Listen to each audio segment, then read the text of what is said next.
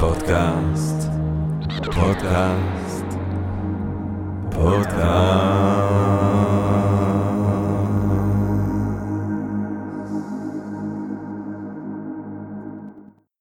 טוב, אה, גבירותיי ורבותיי, ברוכות וברוכים הבאים לפודקאסט של Think and Drink Different.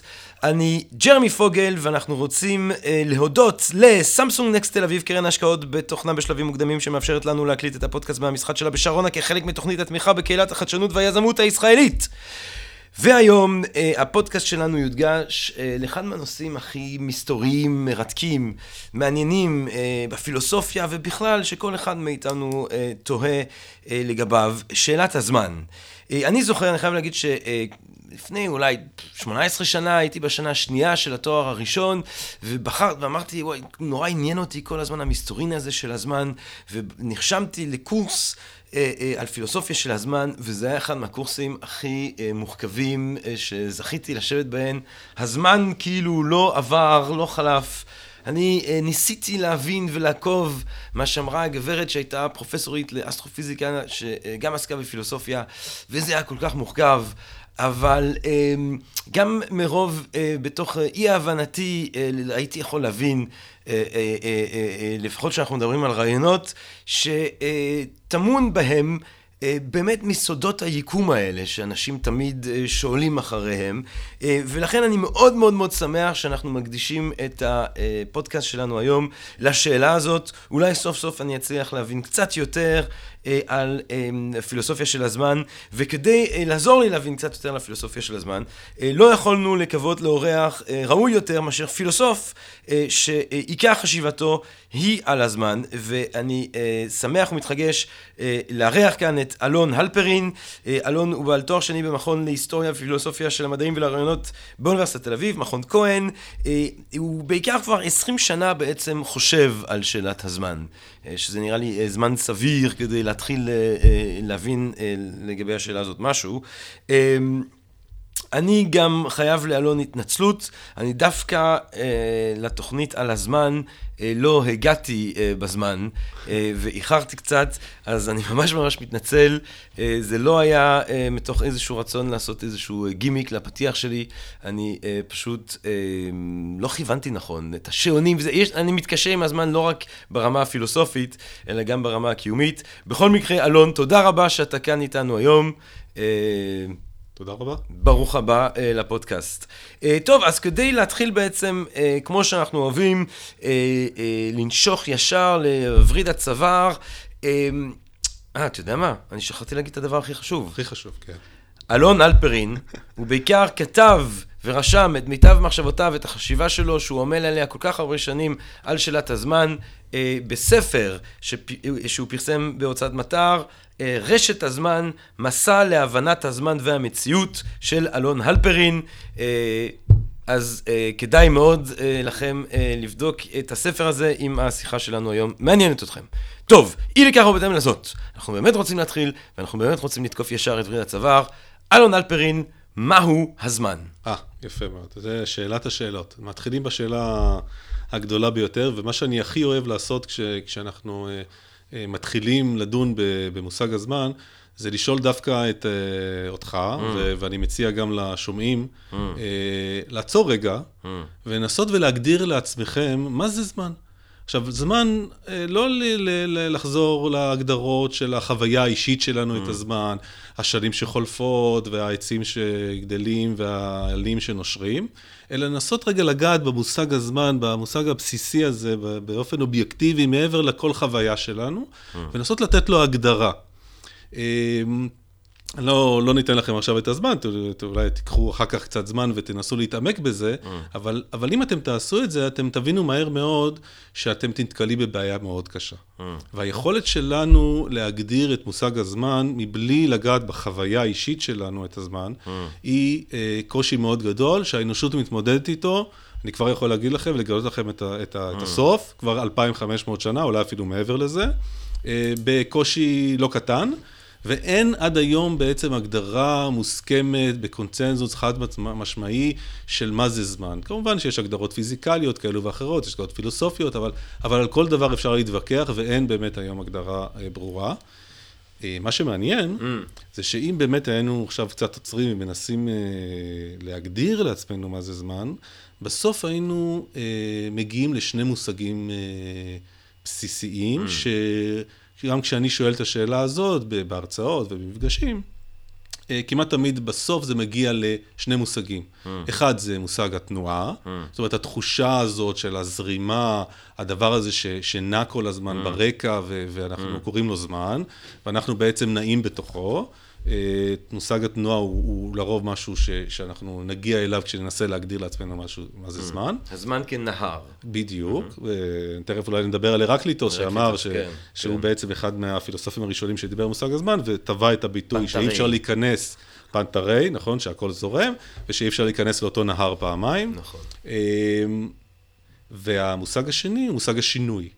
זאת התחושה הזאת שבלי שינוי אין, אין לה זמן משמעות. זאת אומרת, אם אנחנו מסתכלים על תמונה על הקיר, שהיא סטטית לחלוטין, ואין בה שום דבר, זה לא נע בה, ושום דבר לא משתנה בה, אז אנחנו מבינים שאין בתמונה הזאת זמן, נכון? הזמן שם קפוא, אין, אין, אין לה משמעות לזמן בתמונה הזאת, זה רגע אחד בתוך רצף אה, רגעים אחרים, אבל זה רגע, ללא זמן.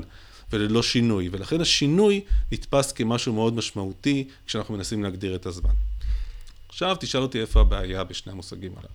אני, תראה, אבל אני רוצה לחזור לשני המושגים האלה תכף ומיד, אבל אני רק תוהה פה, אה, תוך כדי שיחה, אולי זה שאי אפשר להגדיר את הזמן ללא קשר לחוויה שלנו, זה שקודם כל זמן הוא משהו שאנחנו חווים. Mm-hmm. אחר כך יכול להיות שבמציאות כמו שהיא אין זמן. יפה. אנחנו חווים זמן, ולכן אנחנו משתמשים בביטוי הזה כדי לתאר משהו שהוא בחוויה שלנו. אבל יכול להיות שזה באמת מסיבות טובות, כי יכול להיות ש... נכון. ששם, שזה מוקד הקיום שלו. נכון, תראה, קודם כל, הזמן הוא אה, מושג מאוד בסיסי. Mm. ב, ב, במציאות שלנו. מציאות, אני אומר, גם בחוויה האישית שלנו, mm. ושם אתה יכול לבוא, לבוא ולהגיד, זה באמת אה, אשליה. Mm. זאת אומרת, מה שאנחנו קוראים לו זמן, מה שאנחנו קוראים כזמן, הוא לא באמת משהו שיש לו אה, אה, אה, קיום אה, במציאות, זה איזושהי אה, אשליה שאנחנו חווים, נראית לנו מאוד אמיתית, כי, כי היא באמת מאוד מאוד חזקה, אבל זה לא אומר שום דבר על עצם הקיום שלה, אם זה אמיתי, אמיתי במרכאות, כן, mm. כמה שמשהו יכול להיות אמיתי, אבל, אבל, אבל שאלת הזמן היא, ש, השאלה אם, האם היא חלק מהמציאות, אם מישהו מושג בסיסי, כמו למשל בפיזיקה, כי בפיזיקה מתייחסים לזמן כאחד מהיסודות, מהבסיס, של בניית כל תיאוריה. זאת אומרת, אין דבר שאנחנו אה, אה, מסתכלים עליו בפיזיקה או בעולם סביבנו, שאנחנו לא עושים בתוך הזמן. אנחנו אה, חיים בתוך הזמן, אנחנו חושבים, אנחנו מתכננים, אנחנו נזכרים, ואנחנו גם בונים אה, תיאוריות אה, פיזיקליות, שבבסיס שלהם מושג הזמן הוא מושג אה, בעל קיום, זאת אומרת, יש לו משמעות, אנחנו לא יכולים להתעלם ממנו. ולכן אני אומר, אפילו אם מושג הזמן הוא אשליה, ואנחנו תכף בטח נדבר על זה, כי, כי זה בהחלט אה, דעה קיימת ובעלת אה, הרבה מאוד ביסוס פילוסופי, פיזיקלי אפילו. עדיין אנחנו צריכים לבוא ולהגדיר מה זה, כי, כי אם אנחנו בנינו את כמעט כל מה שאנחנו יודעים, וכל מה שאנחנו עושים ביום-יום, על מושג שנקרא mm. זמן, אנחנו רגע צריכים לנסות לעצור ולנסות לתת לו הגדרה, מה זה mm. הדבר הזה. Fair enough. Okay? אוקיי? עכשיו, אז... אי לכך ובטם לזאת, אה, אתה אמרת, אין כרגע הגדרה מוסכמת, יש אבל שני מושגים שתמיד יעלו כשאנחנו ננסה להבין את הזמן, מושג התנועה ומושג השינוי, אבל אתה אומר, או רמזת, שיש פה משהו שלא מסתדר. יש פה משהו אה, שגם המושגים האלה, אה, יש, משהו, יש בהם משהו מטה. נכון, יש בה בעיה קשה כשאנחנו מנסים להגדיר את הזמן באמצעות תנועה או שינוי. וה, והדבר, ה, ה, נסביר את זה בפשטות, מה זה בעצם תנועה? תנועה זה להיות במקום מסוים mm. בזמן מסוים, mm. ולהיות במקום אחר בזמן אחר. Mm.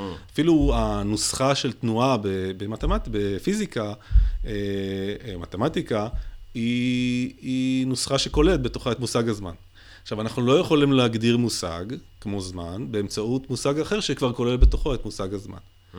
ולכן אנחנו נתקלים פה אה, אה, בבעיה... מעגליות. מעגליות, בדיוק. ביכולת שלנו בעצם להשתמש במושג שהוא כבר כולל בתוכו את המושג שאנחנו מנסים להסביר אותו. מה זה שינוי? שינוי זה בדיוק אותו דבר, זה להיות במצב מסוים בזמן מסוים, ולהיות במצב אחר בזמן אחר. זאת אומרת, מושג השינוי כולל בתוכו כבר את מושג הזמן. אנחנו לא יכולים להגדיר שינוי בלי זמן. ולכן כשאנחנו מנסים להגדיר את הזמן באמצעות שני המושגים האלה אנחנו מגיעים למבוי סתום, אנחנו מגיעים לטיעונים מעגליים, שמביאים אותנו להבנה ש... תנועה ו, ושינוי לא יכולים להיות אה, אה, מושגים ש, ש, ש, שיגדיר, שנגדיר באמצעות הזמן. כדי להבין את זה קצת יותר, תנסו לחשוב הרי גם את השינוי אני צריך איזשהו ציר זמן mm. שעליו אני מגדיר את השינוי, זאת אומרת, אני מתאר את השינוי, כן. וגם תנועה אני צריך ציר כן. זמן מסוים, זאת אומרת, זה, אנחנו בעצם, אה, יש פה רגרסיה, רגרסיה אינסופית של, של בניית עוד ציר ועוד ציר ועוד ציר, עד ש, ש, שבעצם אין לנו שום יכולת אה, להימנע מהזמן כ, כמושג בפני עצמו. מהי ה-working definition שלך, אם בכלל, זאת אומרת, אם אתה אומר, אה, אין הגדרה מוסכמת, אה, הרבה אה, מנסים להגדיר תוך הסתמכות על תנועה ושינוי, אבל אה, המונחים האלה של תנועה ושינוי כוללים בתוכם את הגדרת הזמן, כך שבעצם יש לנו פה בעיה מעגלית ואין לנו איך להגדיר את הזמן באמצעות המושגים האלה. אתה שחושב על הזמן כל כך הרבה זמן, שמחצה על הזמן, שכותב על הזמן, מהי, מהי הגישה שלך לדבר המשונה הזה? הגישה שלי היא קודם כל שאנחנו בבעיה. אוקיי? כן. ואנחנו באמת, אני חושב, כאנושות, אה, יש לנו מגבלות מסוימות. אנחנו בנויים או התפתחנו אבולוציונית בסביבה מאוד מאוד ספציפית, mm. שדרשה מאיתנו לפתח יכולות ו- ומושגים ושפה שתתאים לסביבה שבה אנחנו חיים, ולא תמיד אנחנו אה, יכולים להשתמש במושגים ובשפה ובתבניות תפיסה הללו כדי להסביר חלק מהדברים שאנחנו רואים, כי הם, יש שם משהו מעבר. Mm. אני, אני, עוד פעם, אולי אני, אה, אה, מה שנקרא, אה, מספר כבר את סוף הסיפור, אבל אני חושב שאין אין, אין גם לי הגדרה שאני יכול להגיד שהיא הגדרה ש, ש, שיכולה להיכנס לקונצנזוס של מה זה זמן. אני מנסה להבין את הזמן יותר ויותר, כדי שאולי בסוף נצליח להבין מה זה בכלל. אני לא יודע אפילו נצליח לתת לזה הגדרה, אבל, אבל כן להבין מה זה המושג הזה שנקרא זמן, כי אני חושב באמת, שוב, שזה כל כך בסיסי. בחיים שלנו ובניסיון שלנו אה, להבין את המציאות, שאנחנו צריכים קודם כל להגדיר לעצמנו, אפילו בלי הגדרה ברורה, להבין מה זה זמן. אז אני, אין לי הגדרה של זמן, אוקיי? אני לא יכול לבוא לתת לך עכשיו איזו נוסחה שתסביר לך מה זה זמן, אבל אני כן מנסה לפצח את החידות הגדולות שהזמן מעלה, ושהתיאוריות שבנויות סביב הזמן מעלות, כדי לנסות לאט לאט לפצח משהו. שבסוף אני חושב שנוכל להגדיר כיצד הזמן הזה מתהווה במציאות. Mm. כיצד התחושה, החוויה שלנו, mm. שאנחנו אה, קוראים לזמן, כיצד היא מתהווה. Mm. היא מתהווה באופן, ו- וכיצד היא מתהווה באופן פיזיקלי, באופן אה, אה, אה, אה, מציאותי, לא באופן חווייתי. Mm. אוקיי? לא רק החוויה שלנו היא מעניינת, אבל היא אותי פחות מעניינת. כי הזמן הפסיכולוגי, האפיסטמולוגיה של הזמן mm. היא מעניינת, אבל אני כן מנסה להגיע לאיזה משהו כן אונתולוגי, משהו שהוא, שיגיד משהו אמיתי על, ה, על, ה, על הקיום עצמו mm. של הדבר הזה שנקרא זמן, מאיפה הוא מגיע, ואולי משם נוכל גם יום אחד אולי גם לתת לזה איזושהי הגדרה ברורה. אז אני רוצה לזרוק לך איזושהי, איזשהו משהו שאני כן, תמיד חולם עליו קצת בהקיץ כזה. Okay. יש, אם אני שוב זוכר נכון ממעפלי ה-17 שנה את הקורס הזה שהיה לי, אה, אה, יש תפיסות שאומרות שרק מה שנוכח בהווה קיים.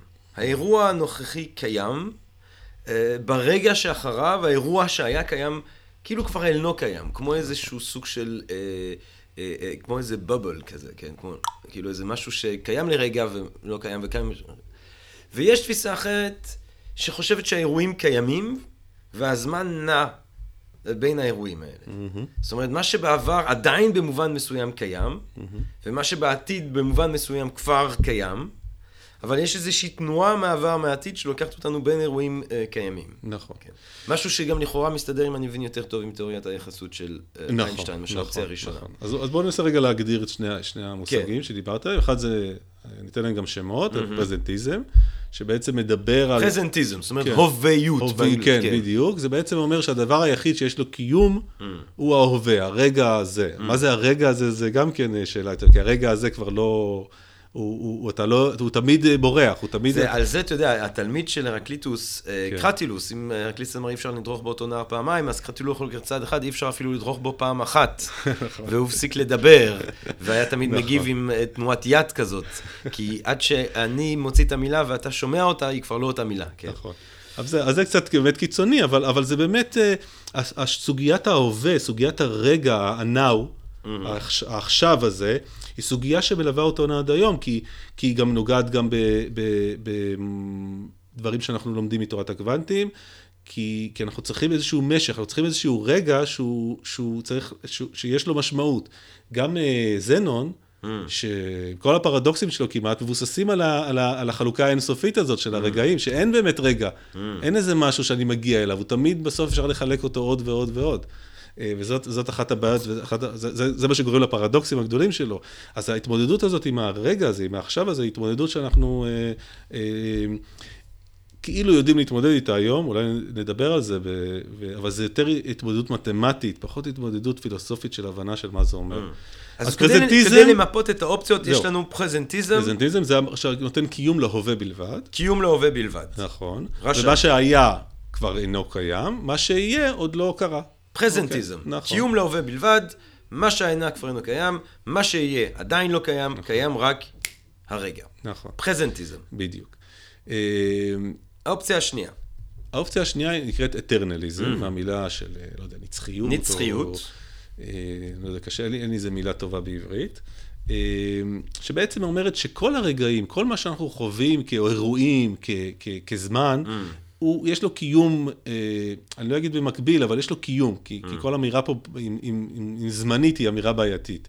זה, לכל האירועים יש קיום. יש קיום. ללא נכון. קשר למיקומן בציר הזמן. נכון, כל האירועים קיימים. אנחנו נעים בתוך, ה, אה, בתוך הדבר הזה, mm. שנקרא אטרנליזם, ואנחנו חווים אירוע אחר אירוע, אבל זאת אשליה.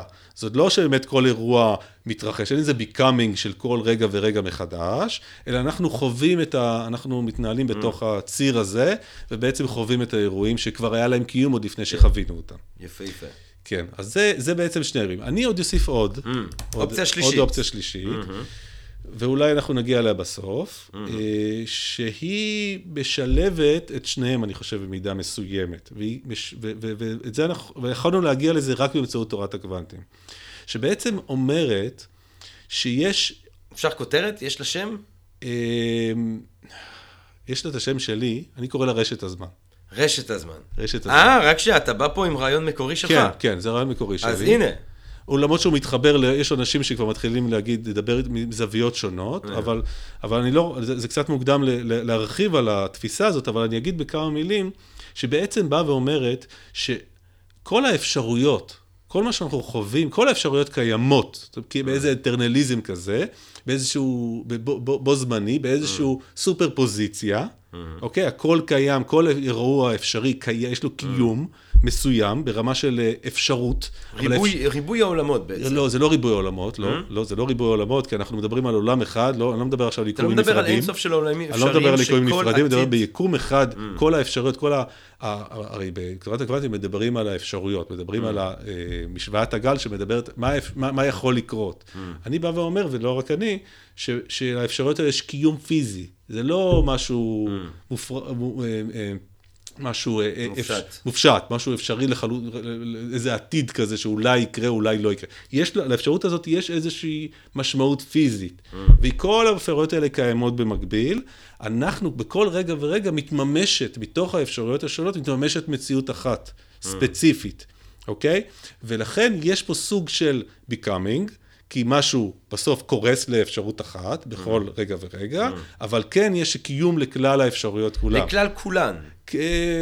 כולם במגבלות המשוואת הגל, במגבלות מה שיכול לקרות. זאת אומרת, mm. לא הכל יכול לקרות, אבל יש אוסף של אפשרויות שיכולות, שאפשר ל, ל, ל, להגדיר אותן כאפשרויות. אבל אתה לא מאמין שיש יקום מקביל שבו אפשרות אחרת מתממשת. אז, אז בואו נדבר רגע על לא יקום לא מקביל. יש יקום מקבילי, יקומים מקבילים, משתמשים בהם היום לא מעט בפיזיקה. Mm.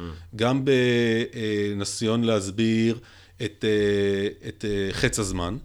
וגם, בטח בתורת הקוונטים יש פרשנות ריבוי העולמות, ריבוי היקומים, אה, שמדבר בעצם על העובדה שבכל רגע ורגע כלל האפשרויות של משוואת הגל, כלל האפשרויות האלה של תורת הקוונטים, כולן מתממשות, רק שכל אחד מתממש ביקום שונה, ולכן אנחנו לא רואים את כל האפשרויות, אנחנו רואים כל פעם, כי כל אחד מאיתנו מתממש ביקומים נפרדים, אבל, וחווה את האפשרות האחרת. אבל, אבל ה- אבל כל אפשרות הזאת ביקום נפרד. עכשיו, מה הבעיה שלי עם, עם, אה, בכלל עם, עם אה, תפיסות של ריבוי יקומים, או מולטיברס, וכל כל התפיסות הללו, שהן הן מאוד נוחות אה, ברמה של הפיזיקה, כי, כי, כי זה פותר לנו בעיות, ואפשר להתקדם הלאה. אה, יש לי אה, בעיה אחת מרכזית, שאני טוען שהטענות הללו הן לא מדעיות. עכשיו, למה הן לא מדעיות? אם נלך רגע לטיעון הבסיסי של מה זה תיאוריה מדעית, ו- ו- ונסביר רגע מה פופר אמר, אוקיי? אה, שבעצם פופר אומר, תיאוריה מדעית יכולה להיות רק תיאוריה שאפשר להפריך אותה. כן. נכון? אם אני לא יכול להפריך את הטענה שלי, להפריך את הטענה שלי, סליחה, בשום דרך, אפילו באין איזה אופציה בעתיד, משהו שלא לא, לא אפשרי אפילו, אז התיאוריה היא לא מדעית, כי, כי אני יכול להגיד משהו ותמיד להוכיח ש, שזה נכון, תמיד יכול לאשש את ה... לא משנה מה יקרה, תמיד זה, זה יאשש לי את הטענה. אם אני לא יכול להפריך אותה, אז היא לא תיאוריה מדעית. הטענה שלי ש, שמולטיברס וריבוי יקומים הן טענות לא, שלא ניתן להפריך אותן. מכיוון שאנחנו, לעולם לא תהיה לנו גישה ליקומים נפרדים, אנחנו חיים בתוך יקום מסוים, אין לנו גישה ליקום או יקום נפרד. אה, אה, איך אתה יכול להגיד האם היקום הזה קיים או לא קיים, או, או האם אה, קרה שם משהו ספציפי כן. א' או ב', אתה לא, לעולם לא תוכל לה- להגיד את זה, כי, כי ההפרדה היא, היא, ההפרדה היא, היא חד משמעית, אין, אין, למיטב אין גישה. הבנתנו הנוכחית. אפשר כן, להגיד, כן, זה נכון, כן, לנו אבל גם לזה אפשר. תמיד, זה תמיד אפשר להגיד על כל כן, דבר. נכון. אני חושב שגם, שפה יש איזה, זה קצת יותר חזק, זה, זה, זה, אנחנו מבינים שיקום נפרד זה יקום נפרד. כן. זה יקום נפרד שאין לי גישה אליו, כי אחרי, אם הייתה לי גישה אליו, כרגע. אז היינו, היה חלק מיקום. מה- מה- מה- אני מקווה עוד לראות אה, בעניין הזה אה, התפתחות. לא הייתי בונה על זה. אנחנו חייבים לעוף מהיקום הנוכחי, אלון. אוקיי. קורים אוקיי. פה דברים מאוד דרך אגב, בעייתיים. אבל זה, אתה תלך למיקום אחר, זה מבחינתך זה יהיה יקום. זאת אומרת, זה לא, לא, לא תרגיש משהו שונה, אתה תהיה ביקום, אתה תחשוב שזה זה היקום היחיד. בסדר. אז תעוף מפה, זה, שיותר זה לא-. לא ישנה לך הרבה, יכול להיות. אני רוצה לבחון את, אה, כן, גם יכול להיות מזעזע. בדיוק. אה, אי אפשר לדעת. אני רוצה לבחון את שלושת האפשרויות האלה איתך. אוקיי. אמרנו פרזנטיזם, קיום להווה בלבד.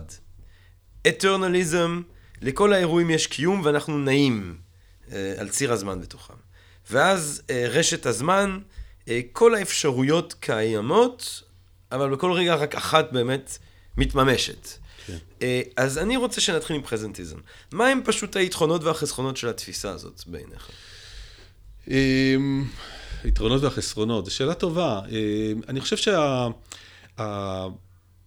ברמת החוויה האישית שלנו, האינטואיציה, אתה יודע, הרבה פעמים אנחנו בוחנים דברים, האם זה מתחבר לנו לאינטואיציה, האם זה מתאים לנו למה שאנחנו רואים סביבנו, וזה הכי קל ללכת למקומות האלה, כי, כי אז זה מסביר לנו, וזה קל לנו יותר להתמודד עם, ה, עם הטענה ועם ה, עם התשובה.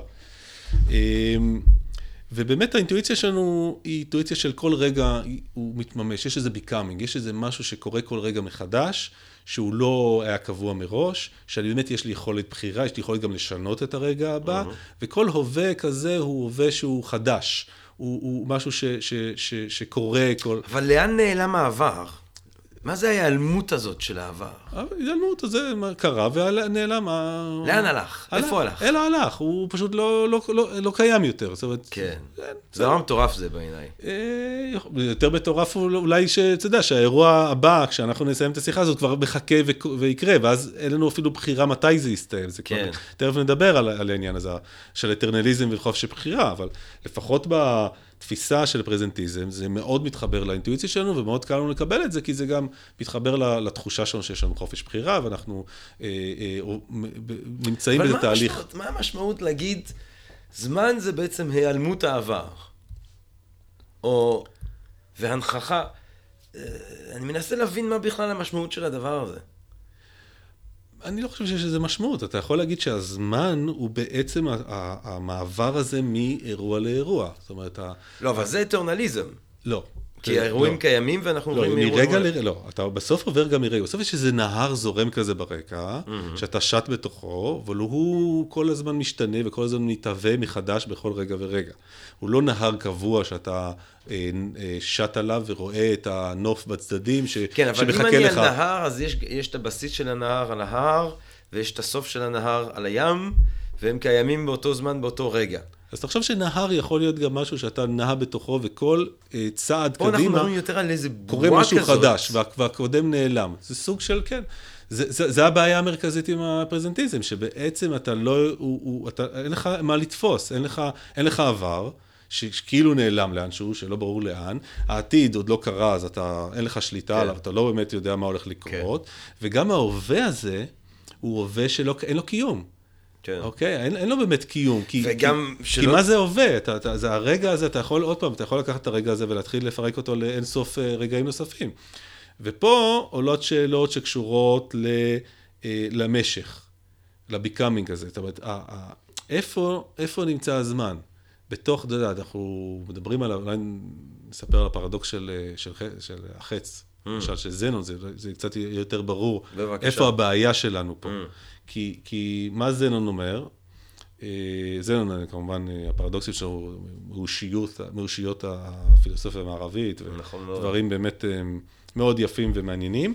אבל ניקח פרדוקס אחד שהוא מאוד מתאים לסיפור הזה, ו- ונתאר אותו בכמה מילים. ובעצם תחשבו רגע שזנון מבקש מאיתנו לעמוד באתונה, ולהסתכל על חץ שנע עכשיו אה, אה, מצד לצד וחוצה את הרקיע.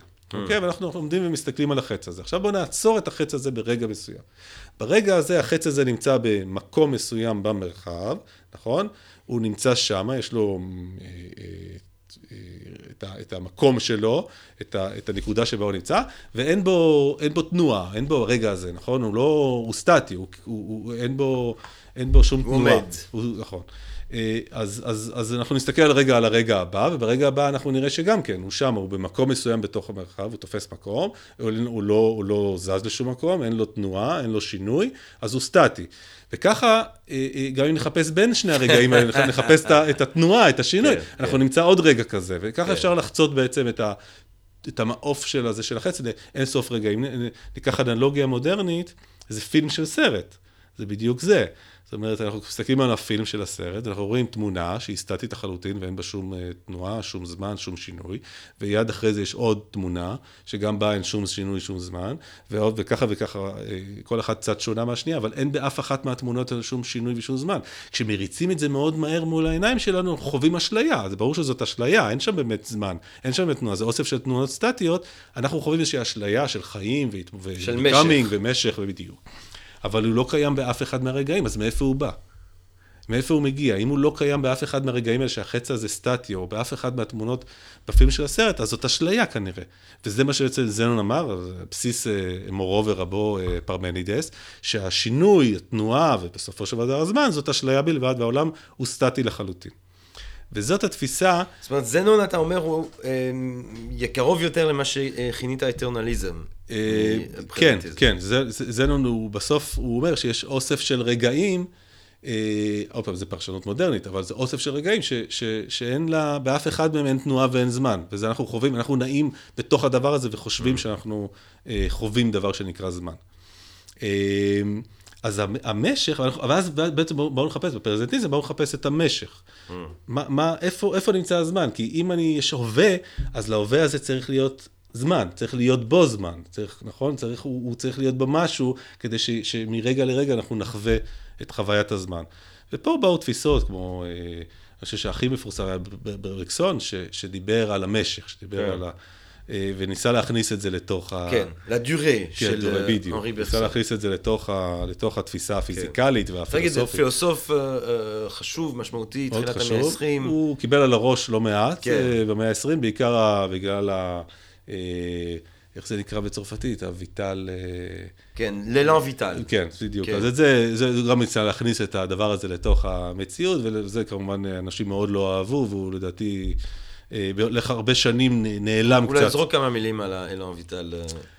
לא זו, זו המומחיות שלי, כן. כן, אבל הרעיון היה שהוא ניסה למצוא את החיים, זאת אומרת, איפה הדבר הזה, הכוח כן. הזה, ש, כן. שנקרא החיים, בתוך, ה, בתוך החומר המת, אה, ו, וניסה להפיח איזושהי... אולי אה, אפילו איזה משהו נימה אה, טלולוגית, שיש כן, איזשהו... נכון. שהאלן ויטל הזה מושך לסוג של אה, לפחות מורכבות קוגניטיבית כלשהי, לסוג של משהו כמעט, יש משהו, יש איזה כוח ביקום שרות, שמוביל למחשבה האנושית. נכון.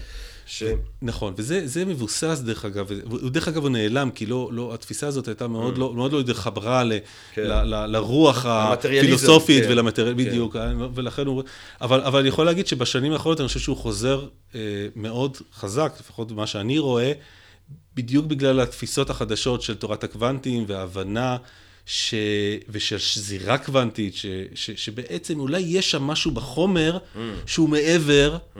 או מעבר לתנועה, זאת אומרת, mm. מעבר, לזה, מעבר לשינוי של מצבים. Mm. יש שם משהו, וזה מחזיר אותו גם לאריסטו קצת, ול... mm. ול... אבל יש פה איזושהי אמירה מאוד מאוד מעניינת, שאני דרך אגב מאוד מתחבר אליה, mm. אה, שאולי יש משהו בחומר, שהוא בחומר עצמו, הוא לא ישות אה, mm. נפרדת, זה לא דקארט עם, כן. ה, עם הרוח והחומר, אבל יש שם איזה משהו... דואליזם הקרטזיאני, כן, כן. זה יש שם איזה משהו ש, שנותן, לא יודע אם את רוח החיים, אבל, mm. אבל כן, במושג הזמן, נותן איזשהו, איזשהו מרכיב שאנחנו יכולים על בסיסו לנסות להבין כיצד הדבר הזה עובר, מ... Mm. כיצד הדבר הזה שנקרא זמן עובר מרגע לרגע. Mm. אז אנחנו מחפשים את המשך, אנחנו מחפשים את המשך הזה בתוך, ה... בתוך הרגעים. כאשר אני חושב שזו ו... אה, עמדה שבקסון אומר אותה אה, אה, בחוכמה רבה, אה, וזה שמדע עוסק בעצם בסטילס. במדע אתה מקבל בדיוק. נקודה שמראה נתון, שמראה אה, אה, אה, תנועת מצב, תמונת מצב של רגע מסוים, אבל המציאות היא כמובן בדיוק לא זה. המציאות היא אותו משך היא אותה דורה אה, שאי אפשר לעצור אותה, אף נכון. פעם בשום סטילס, ולכן יש איזושהי גם אה, אה, תפיסה מעניינת על המוגבלות של הסתכלות מדעית על המציאות. נכון מאוד. אני חושב שהבעיה, אם אתה שואל אותי איפה, למה אנחנו כל כך קשה לנו להתמודד, mm. עם השאלת הזמן, כי אני חושב שבשאלת הזמן ההתמודדות איתה היא התמודדות בעיקר פיזיקלית. Mm. עכשיו, מה הבעיה בפיזיקה? הפיזיקה, יש לה שתי בעיות מרכזיות לדעתי. אחת, זה שהיא מבוססת, השפה של הפיזיקה היא מתמטיקה. Mm. עכשיו, במתמטיקה אין זמן. Mm. יש לך T, יש לך איזה מושג זמן, אבל אין לו משך. Mm. וגם כשאתה מסתכל על תנועה, בסוף תנועה במתמטיקה זה, זה קו על הלוח, אוקיי? זה משהו סטטי. Mm.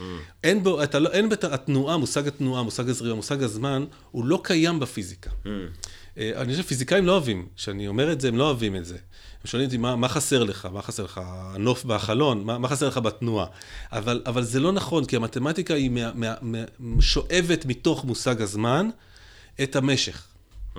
והיא הופכת אותו למשהו סטטי. ולכן, כשאנחנו מסתכלים היום על התיאוריות הפיזיקליות של המאה ה-20 וגם של המאה ה-21, אתה רואה שיותר ויותר התיאוריות האלה נותנות אה, אה, גב וביסוס מאוד חזק, דווקא לתפיסה האטרנליסטית, דווקא לתפיסה שכל האירועים הללו שאנחנו חווים, אלה אירועים שהם חלק מאיזה גוש, mm. כן, זה נקרא תפיסת יקום הגוש, mm. איזה גוש של אירועים, מהמפץ הגדול, או אולי גם לפניו, אני לא יודע, ועד קץ הימים, שבעצם אנחנו מתנהלים בתוכם כמו איזה מימד נוסף כזה, אבל אנחנו, התחושה שלנו, ש, ש, שיש פה איזה ביקאמינג, שמשהו, היא אשליה בלבד, ואנחנו בעצם עוברים מאירוע לאירוע, mm. אה, אה, בתוך משהו שיש לו כבר קיום. אתה אומר, זה האופציה של האטונליזם שהופכת להיות נכון, פופולרית. נכון. הכל ו... קיים אה, בו זמנית בעצם, ואנחנו אה, עוברים בין האירועים, ויש לומר שהתורה הזאת מסתדרת הרבה יותר טוב. עם אה, הרעיונות של איינשטיין, כי הרי אם דבר אחד שאיינשטיין מבהיר לנו, זה שמה שקורה כאן באותו זמן, מנקודת זווית אחרת, יכול לקרות בזמן אחר.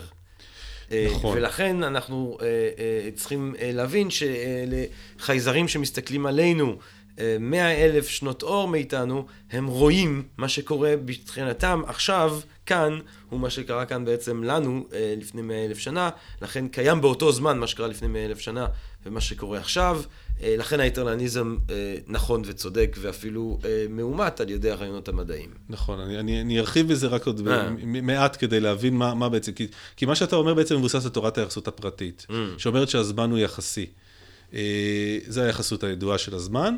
ובעצם המשמעות של הזמן היחסי היא בדיוק זה, היא בדיוק אומרת שמי שנמצא בתאוצה, בתנועה, אה, אה, חווה זמן שונה ממי שנמצא אה, נייח או סטטי. ואז כשאנחנו, כל אחד מהם מסתכל על מה נמצא מקביל אליו, איזה אירועים קורים ביקום במקביל אליו, mm. הוא רואה אירועים אחרים. זה העיבוד הסימולטניות. זאת אומרת, אצל ניוטון, חשבנו שאם עכשיו ברגע הזה נחצה את כל היקום, נעצור, נעצור רגע את הזמן, אז יהיה איזה רגע אחד כזה שהוא נכון בכל היקום עבור כולם, ואנחנו יודעים כל האירועים שקורים עכשיו במקביל לכולנו, סימולטני לכולנו.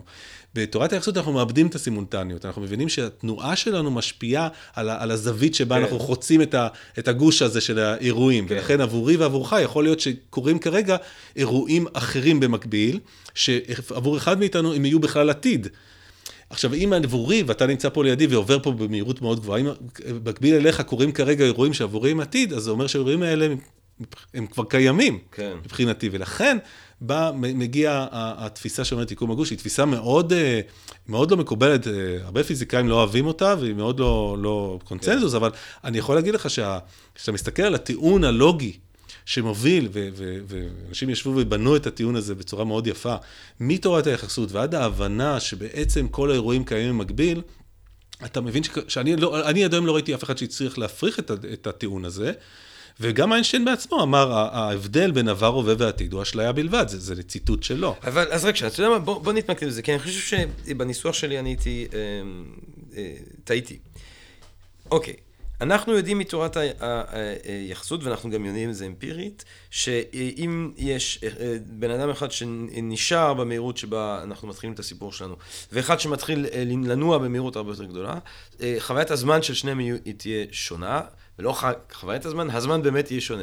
לא החוויה שלהם, דרך אגב. החוויה שלהם תהיה אותה חוויה. סליחה, החוויה תהיה אותה חוויה, כן. הזמן יהיה שונה. יהיה שונה. אה, האח התאום, אה, ובאמת יש את האח התאום הזה שחזר, והוא איזה אה, רבע שנייה יותר צעיר מהאח לא, התאום. יכול להיות גם 50 שנה יותר. נכון, אבל אני חושב שמה שבאמת קרה זה אחד שהוא קצת, שהוא פחות, ההוא, אתה יודע... רגע, אבל אתה כבר מדבר על המשמעויות של איך זה משפיע על מסע בזמן.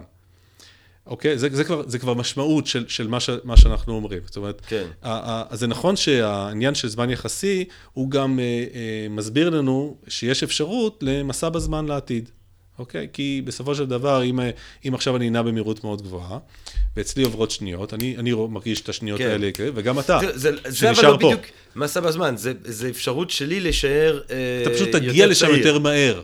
זה, מס, זה סוג של מסע, זה לא כמו מסע בזמן כמו בסרטים, כן, אתה יודע, לא שאתה נכנס לתור מכונה, כן. ו, ועושה פוף, ואתה יוצא כן. פתאום 50. אתה, אתה, אתה, אתה, אתה, אתה, הזמן עובר, אבל אתה פשוט מגיע לעתיד יותר מהר ממני. אוקיי? זאת אומרת, אם עכשיו אתה תנוע פה במהירות מאוד גבוהה, תחצה פה, לא יודע, תטוס בחללית, במהירות שקרובה למהירות האור, כן. ותחזור חזרה, ואתה תחווה שנה, אוקיי? מבחינתך עברו שניות בדיוק אותו דבר, אתה לא חווה איזה כן, משהו כן. אחר, אבל אני, שאני אשאר פה סטטי על uh, כדור הארץ, אני בעצם, יעברו אצלי גם כן אותן שניות, אבל השנייה שלי זה לא השנייה שלך. אצלך יעברו 20 שנה. כשאצלך עוברת שנייה, אצלי עוברו 20 שניות. כן. ושאצלך דקה, אצלי 20 דקות, אצלך שנה, אצלי 20 שנה. כן. זאת אומרת, אחרי שנה שאתה תחזור, אנחנו, אני בעצם אהיה 20 שנה, אני, אתה הגעת יותר מהר לעתיד ממני. כן. זה המסע בזמן הזה, כן, כן, אוקיי? כן, אנחנו כולנו נעים בזמן, אנחנו נעים יחד עכשיו נעים בזמן, אנחנו פשוט נעים כולנו באותו קצב. אז זה מה שאני רוצה להגיד, אז על זה אני רוצה להתמקד. לא, כי קודם כל מה שרציתי מקודם עם השנייה, זה שבאמת זה כבר קרה, יש את אחד מהאסטרונאוטים נכון. שנשאר נכון. הכי הרבה זמן בחלל, נכון. יש לו אח תהום, הוא חזר, הוא קצת פחות משנייה. זה כבר גרסה, אה, זה כבר גרסה יפה, אין לו אח תהום, יש שלושה אה, קוסמונאוטים רוסים. לא, לא, זה אמריקאי. לא, יש שני אמריקאים אה, ששלחו אותם. יש שני אמריקאים לא, ששלחו שלחו אותם כן. אה, לשנה בלבד. כן. לאחד מהם שלחו אותו, כן. כדי לראות את ההשפעות הפיזיולוגיות אה, mm. של שהות מאושרת בחלל, וזה נכון שוב, אבל יש כאלה ש... אה, יש קוסמונאוטים שכבר, לא, לא, לא ברצף, אבל במצטבר כבר נמצאים מעל 800 יום, mm. היו כבר בתחנת החלל. ואז האפקט הוא כבר מאוד, יותר משמעותי. כן. אבל עדיין אנחנו מדברים על 0.0... כן, לא, אנחנו, הוא לא, הוא לא, בוא נגיד שהאח שחזר, הוא לא הרוויח עליו לא, יתר על המידה, יכול להיות שיש לו... הוא גבה דרך אגב בחמישה סנטימטר. מטרים. אה, לפחות זה. כן, אבל, כן. אבל נמה חזרה, אם למישהו אה. בונה על, על איזושהי אפשרות ל... לטווח ארוך. כן. אבל אוקיי, אז אני רוצה, אני רוצה שנייה להבין את הדבר הזה. כי אם אני אמרתי מקודם, אה, החייזרים שמסתכלים על מה שקורה על כדור הארץ, ורואים מה שקרה פה לפני עשר אלף שנה, או לפני מאה אלף שנה, או מאתיים אלף שנה, אוקיי. אה, עליהם אי אפשר להגיד, אה, אה, זאת אומרת, זה לא סיבה לחשוב שכל האירועים כבר קיימים, כי בעצם הם מקבלים את הסרטון, הם מקבלים את האור. בדיוק. היה את האירוע, בדיוק. והם פשוט מקבלים את האור באיחור. בדיוק. אז שם לא, כי אני אמרתי את זה מקודם, כאילו שזה- נכון. אנשים הרבה כאילו שזה אומר שהזמן קיים אה, בכל ה... אה, אה, שכל האירועים כבר קיימים. הדבר הזה הוא דבר מעניין, הוא דבר מגניב, הוא לא מוכיח שהאירועים חייבים להתקיים מראש, כי הם פשוט מקבלים את האור של האירוע ש... בדיוק. שלוקח זמן לאור להגיע, זה מסתדר הכל. במילים אחרות, זה עדיין מסתדר עם הפרזנטיזם. לגמרי. עכשיו, אם אנחנו מנסים להתמקד לסיבה שהיחסות הפרטית של איינשטיין מצדדת באטרנליזם, אנחנו צריכים באמת ללכת יותר אה, לכיוון הזה אה, של המהירויות השונות. לחסיות הזמן. כן. הזמן היחסי, כן. להבין שהזמן, אם הזמן הוא יחסי, ואנחנו יודעים היום, עוד פעם, עד כמה שאפשר לדעת במדע, אבל זה כבר מאוד מאוד מבוסס, כן. עם הרבה מאוד ניסויים שכבר נעשו, ואנחנו רואים שבאמת, אה, אה, ש- ש- שאתה נמצא בתנועה אה, או בתאוצה, אז באמת הזמן שאתה חווה מתכווץ, והוא כאילו איטי יותר, לא כאילו, אבל הוא איטי יותר, השנייה איטית יותר משנייה של מישהו שנשאר נייח. דרך אגב, הניסוי הראשון שעשו לזה היה ב-1971, לקחו שעון אטומי, שזה שעון מאוד מאוד מדויק, שמו אותו על מטוס, ובאותו זמן לקחו שעון אטומי זהה והשאירו אותו על כדור הארץ, המטוס הזה טס מהר מאוד סביב כדור הארץ, וכמה שהוא היה מטוס יכול לטוס, ובאמת כשהוא נחת, ישבו בין השעונים וראו שבאמת במטוס אה, עבר פחות זמן. אמנם אה, בהרבה אפסים אחרי הנקודה, אבל, אבל כבר, כבר שם יש אפקט, ודרך אגב, היום רואים את זה מאוד חזק, מאוד יפה, במאיצי החלקיקים בסרן, שבעצם שם אה, אה, לחלקיק יש אורח חיים מסוים, נגיד שהוא צריך לחיות, לא יודע, שנייה, סתם אני אומר. ו- ופתאום כשמאיצים אותו מאוד מהר, פתאום אנחנו חווים, כשאנחנו מסתכלים, אנחנו חווים שהוא חי כמה שניות. כי, כי בעצם הזמן אצלו, עדיין הוא חי שנייה מבחינתו, אבל מבחינתנו, ש- ש- ש- שאנחנו מסתכלים עליו מהצד, אנחנו רואים בעצם שהוא חי יותר. עכשיו, הדבר המטורף והמדהים הזה, כן. מעודד, אה, מצדד ב- באטרנליזם? כן, כי למה? הוא מוביל, הוא מוביל אותנו להבנה של, יקום, של טיעון יקום הגוש. מה טיעון יקום הגוש אומר? הוא אומר בעצם שאם עכשיו אני לוקח את האירוע, ניקח איזה אירוע X כזה, בסדר? ו- ואנחנו עכשיו יש לנו אה, אה, עוד שני אירועים שאנחנו פה על, אה, על אה, כדור הארץ, וכל אחד מאיתנו אה, ב- בתנועה אחרת ובזה. באיזשהו, ב- ב- ב- במהירות מסוימת או בתאוצה מסוימת, אתה תחווה את האירוע X הזה סימולטני אה, איתך, אוקיי? וגם אני, כשאני אהיה נייח, מתישהו, האירוע הזה, X יהיה סימולטני עם האירוע B, אוקיי? זאת אומרת, אנחנו יכולים לראות ש-A ו-B יהיו סימולטניים, כל אחד מהם מתישהו עם X. אוקיי, אני חושב שאנחנו, בוא נ... האם... אני חושב אנחנו עכשיו אנחנו קצת, אנחנו בוא קצת... ננסה, ל- ל- ל- להס- כי זה רעיון קריטי, אני חושב. אה, אבל הוא קשה לנסות- להסב- בוא נ- יש מצב שאתה מפשט את זה, אם אתה ממש רוצה את זה עם דוגמה אה, פיזית, אם אתה יכול לתת לאירוע הזה, לכנות אותו באיזושהי צורה. אמ, בוא, בוא, בוא, בוא נעשה את זה ככה. נגיד שבאמת יש, אנחנו, אנחנו פה על כדור הארץ, ויש כן. חייזרים, כמו שאתה אומר, באיזה, באיזה אה, אה, אנדרומדה כזה. כן. דרך אגב, אני חושב שאני אפילו מתאר איזשהו, איזשהו אה, ניסיון של, אה, באחד הספרים, אה, אה, ש, ש, שבדיוק מנסה להסביר את, את, את, את טיעון יקום הגוש. ו, ו, ונגיד שהחייזרים האלה נעים במהירות מאוד גבוהה. הם נמצאים באיזה חללית, והם כן, הם נעים עכשיו במהירות גבוהה, ולכן הם, כן. הם חווים אה, את, הפר, את הזמן באופן שונה ממני, כן. אוקיי?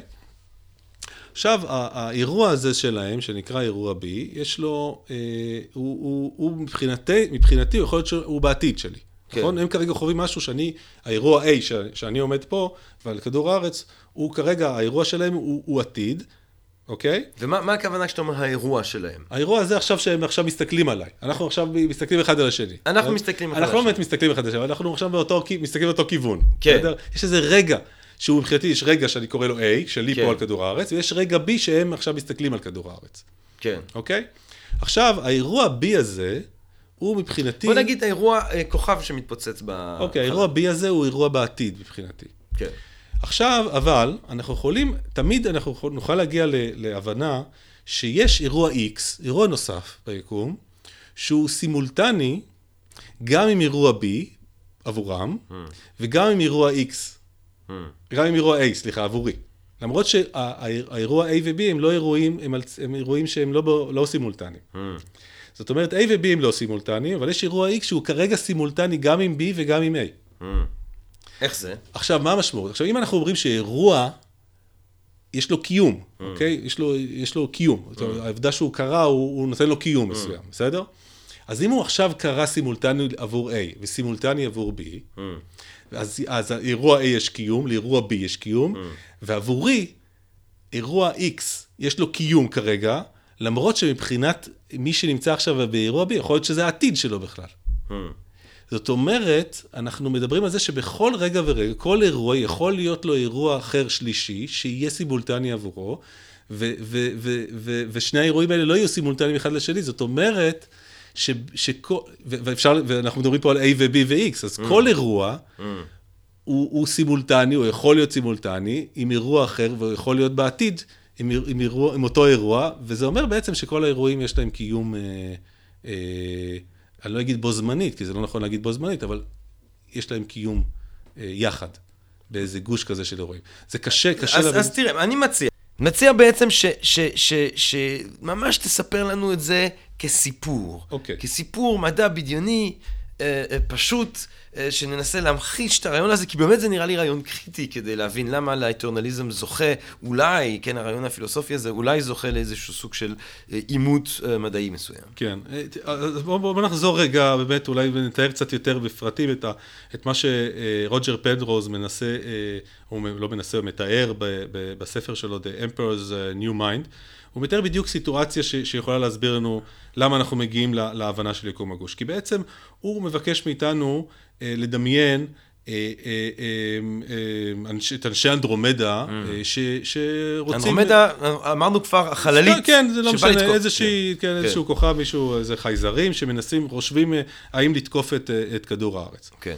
עכשיו בוא נחזור רגע לכדור הארץ, ופה אנחנו... ואנדרומדה, אתה מתכוון, זה פלנט. כן, לא משנה, משהו ביקום, לא איפשהו ביקום, כן, כן, איפשהו ביקום, יש מישהו שמנסה לקבל עכשיו איזושהי החלטה. עכשיו פה, על כדור הארץ, אני ואתה נמצאים mm. בחדר, mm. ואתה נמצא, אתה חולף אה, בחללית, mm. במהירות מאוד מאוד גבוהה, וחולף אה, על פניי. Mm. וברגע הזה ששתי העיניים שלנו, העיניים שלנו מצטלבות, mm. יש איזה רגע שהוא רגע משותף של שנינו. כן. מכיוון שאבל אתה נמצא בתנועה מאוד אה, גבוהה, על פי mm-hmm. תורת היחסות, הזמן שאתה חווה הוא זמן אחר mm-hmm. מאשר הזמן שאני חווה כי אני נכון. נייח. ולכן, אם אה, כרגע אנחנו מסתכלים על, על האירועים שקורים mm. במקביל לכל אחד מאיתנו, mm. בגלל שקצב הזמן של כל אחד מאיתנו שונה, אז mm. האירועים שקורים עכשיו. במקביל mm. אל כל אחד מאיתנו הם גם שונים, כי קצב הזמן ביקום הוא, הוא, הוא, הוא ש... קצב הזמן שלו. Mm. אז במקביל אליי קורים אירועים מסוימים, במקביל אליך קורים אירועים אחרים, כי הם לא באותו קצב, כמו באירועים שלי, בקצב mm. שלי.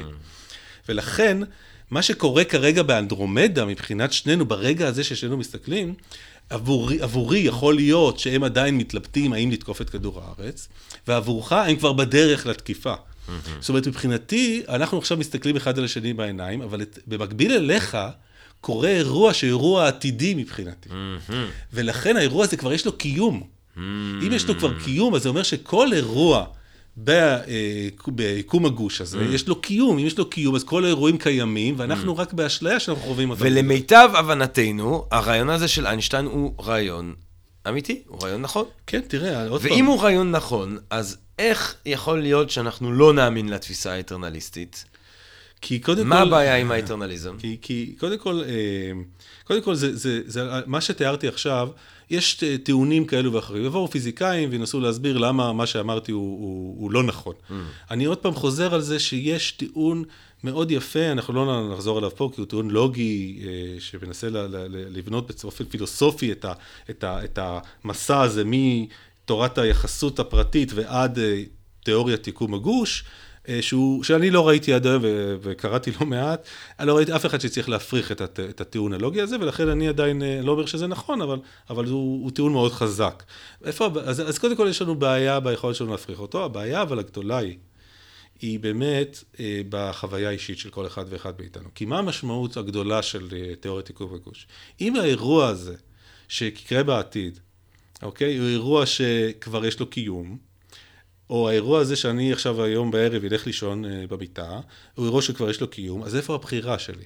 איפה הבחירה החופשית? Mm. העובדה שכל האירועים כבר יש להם קיום, והם קרו, קרו או, או עוד פעם, יש להם איזשהו קיום מסוים, mm. אין לזה, ולי, כמי שנע בתוך האשליה הזאת, בתוך, ה, אה, אה, אה, בתוך היקום הזה, שאני בעצם אה, בורא כל רגע מחדש את, ה, את, ה, את הרגע הבא, ויש לי בחירה ויש לי רצון חופשי ואני יכול להשפיע על מה שיקרה ברגע הבא, אני בעצם מאבד את זה לחלוטין. האטרנליזם אומר שאין לי בחירה חופשית. Mm.